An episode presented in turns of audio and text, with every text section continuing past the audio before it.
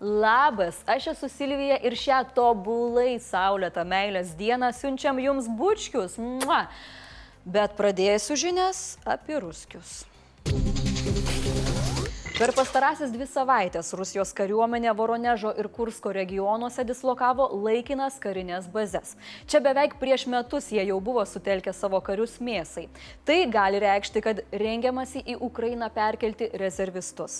Ir nors NATO sako, kad galimas didelis puolimas, Ukrainos pareigūnai abejoja teroristų kariuomenės gebėjimu tą padaryti. Baltųjų rūmų atstovas sako, kad rusai taip ir nesugebėjo išspręsti logistikos, aprūpinimo maistu, ugnies nuoseklumo ir padalinių sutelktumo problemų. Joe Bideno administracija tiki, kad lemiamas momentas bus pavasarį, kai Kremliaus pusgalviai puls, o Ukrainos paėgos pradės kontrpuolimą, siekdamas atgauti okupuotų teritorijų kontrolę. Bet sukarinta teroristų ir privartautojų grupuotė Wagner per pastarąsias dienas pasistumėjo į priekį šiauriau Bahmuto, taip pat Krasnahoros kaime. Laimė jiems nepavyksta padaryti reikšmingos pažangos į pietus nuo Bahmuto, net naudojant gausius rimtus artilerijos smūgius. Tačiau galima pasidžiaugti, kad Ukrainos kariuomenė virš Bahmuto numušė Su-24 lėktuvą, kuris priklausė tai pačiai padugnių šutviai. Plus krito ir kitas lėktuvas Su-25. Na, o Maskvoje, netoli tiksliųjų prietaisų tyrimų instituto, kuris gamina radio detalės reaktyvinių ginklų įrenginiams, kilo malonus širdžiai ir akiai gaisras. Turbūt bijodamas tokių incidentų, teroristinė gaišina vardu Vladze po šalį keliauja nebe lėktuvais, o specialiai jam nutiestais bėgiais rėdančių šarvuotų traukinių. Taip putka daro, nes nėra ryšio priemonių skirtų susiekti traukiniams. Be to, kai kurios jo rezidencijos yra zonoje, kur skrydžiai labai apriboti dėl karo veiksmų. Gali bėgti traukiniu, lėktuvu ar žiguliuku, nuo Hagos tu nepabėgsi.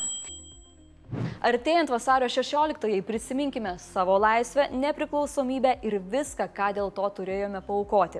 Dabar dėl savo laisvės kaunasi Ukraina. Artėjant Rusijos sukelto karo metinėms savo pilietiškumą galime išreikšti dideliu palaikymu jiems, prisidėdami prie Lietuvos iniciatyvos Radarom. Joje renkame pinigus radarams uždengsantiems Ukrainos dangų nuo priešo raketų, dronų ir lėktuvų.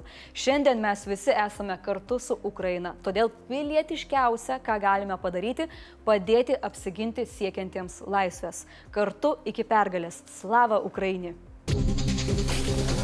Išnagrinėjusi gautą prašymą, prokuratūra nusprendė nepradėti tyrimo dėl galimo informacijos nutekinimo pedofiliją įtariamam Bartoševičiui. Prokuratūra paaiškino, kad jau kreipdamiesi į Seimo pirmininkę dėl neliečiamybės panaikinimo Kristijonui įsivertino plėtkinimo galimybės.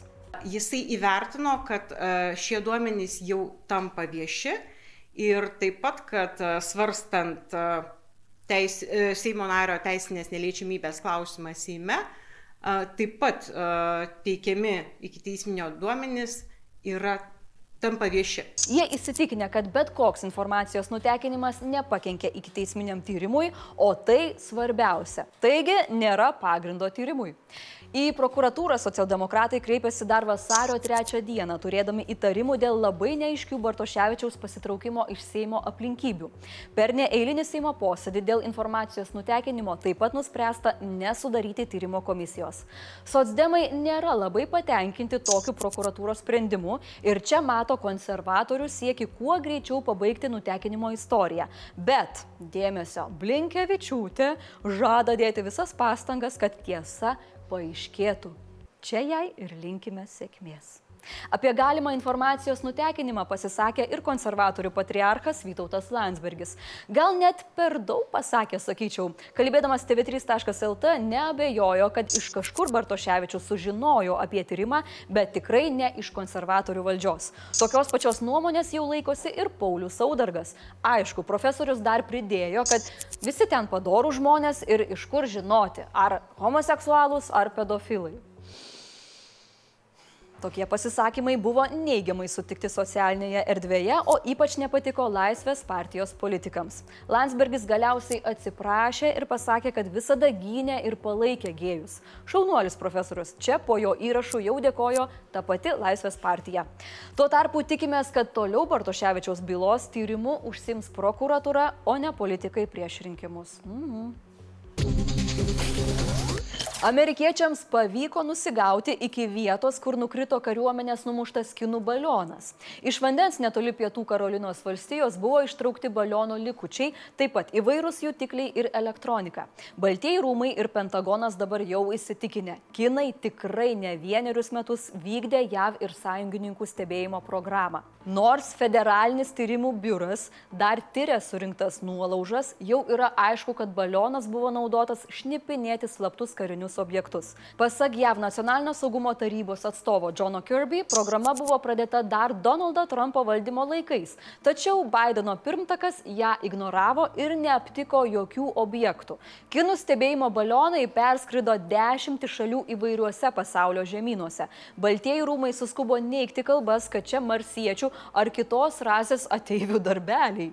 There is no, again, no indication of aliens or extraterrestrial activity with these recent takedowns. Ir dar pridėjo apie mėgstamus filmus. You know, I loved E.T. the movie, but I'm, I'm just gonna leave it there. Senas, bet tikrai geras Spielbergo darbelis. Na, o priminsiu, kad baltas balionas vasario ketvirtą dieną subliuškęs nuo F-16 paleistos raketos buvo pirmasis iš serijos paslaptingų objektų, kuriuos per paskutinės aštuonias dienas pastebėjo ir numušė JAV kariuomenė. Beje, raketa, kuri numušė balionėlį, kainuoja 400 tūkstančių dolerių, o reikėjo leisti dvi, nes tokius lietus objektus naikintuvams sumedžioti sudėtinga. Huh, nubrangoka. Europos centrinis bankas pranešė, kad net 50 bazinių punktų padidino visas pagrindinės palūkanų normas.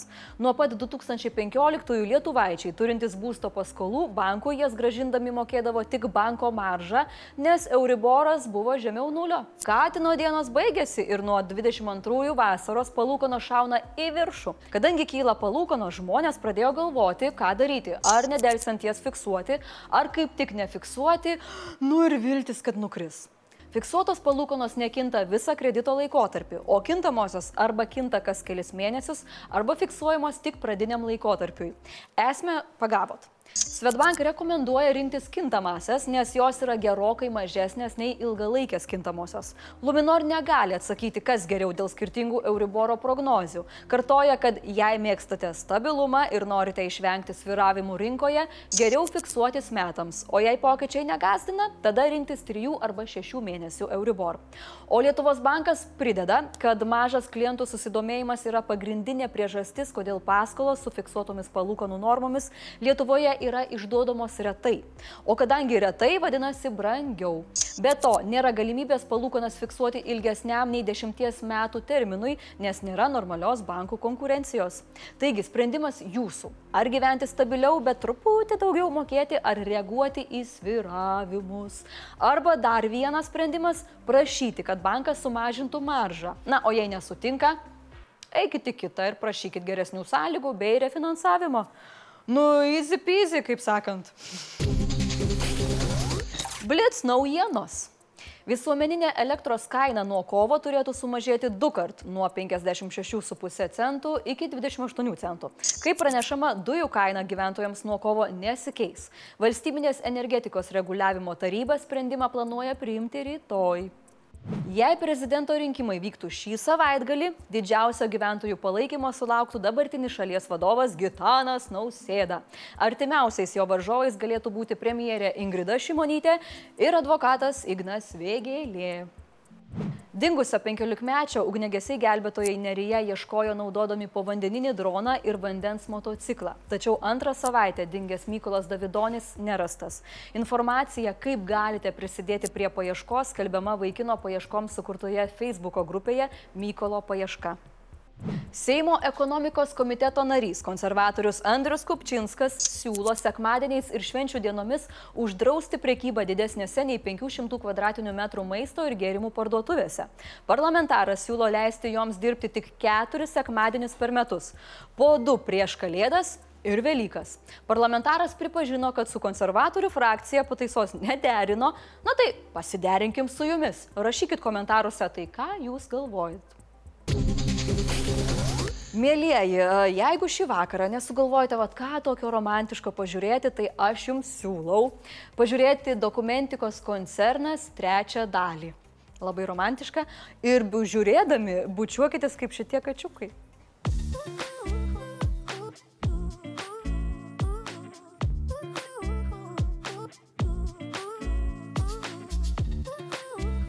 Komentarų metas. Vakar daug pamokų gavome komentaruose. Žmonės išaiškino, kaip veikia pasaulis. Čileris TV sako, kad iš tikrųjų JAV kariuomenės numuštas žvalgybinis balionas yra ne kinų šnipinėjimo įrankis, o pačių JAV korupcijos galų dangstimas. Mm, gal ir logiška, vad sudedi juodosios buhalterijos knygas į balioną, pasakai, kad kinai klausosi ir laukia, kol už tave darbą padarys kariai. Mhm. Tuo tarpu didžėjus Leis Daz Huh, paaiškino, kad žemės drebėjimas Turkijoje buvo sukeltas ginklo Blue Beam, o balionas iš tikrųjų yra ateiviai.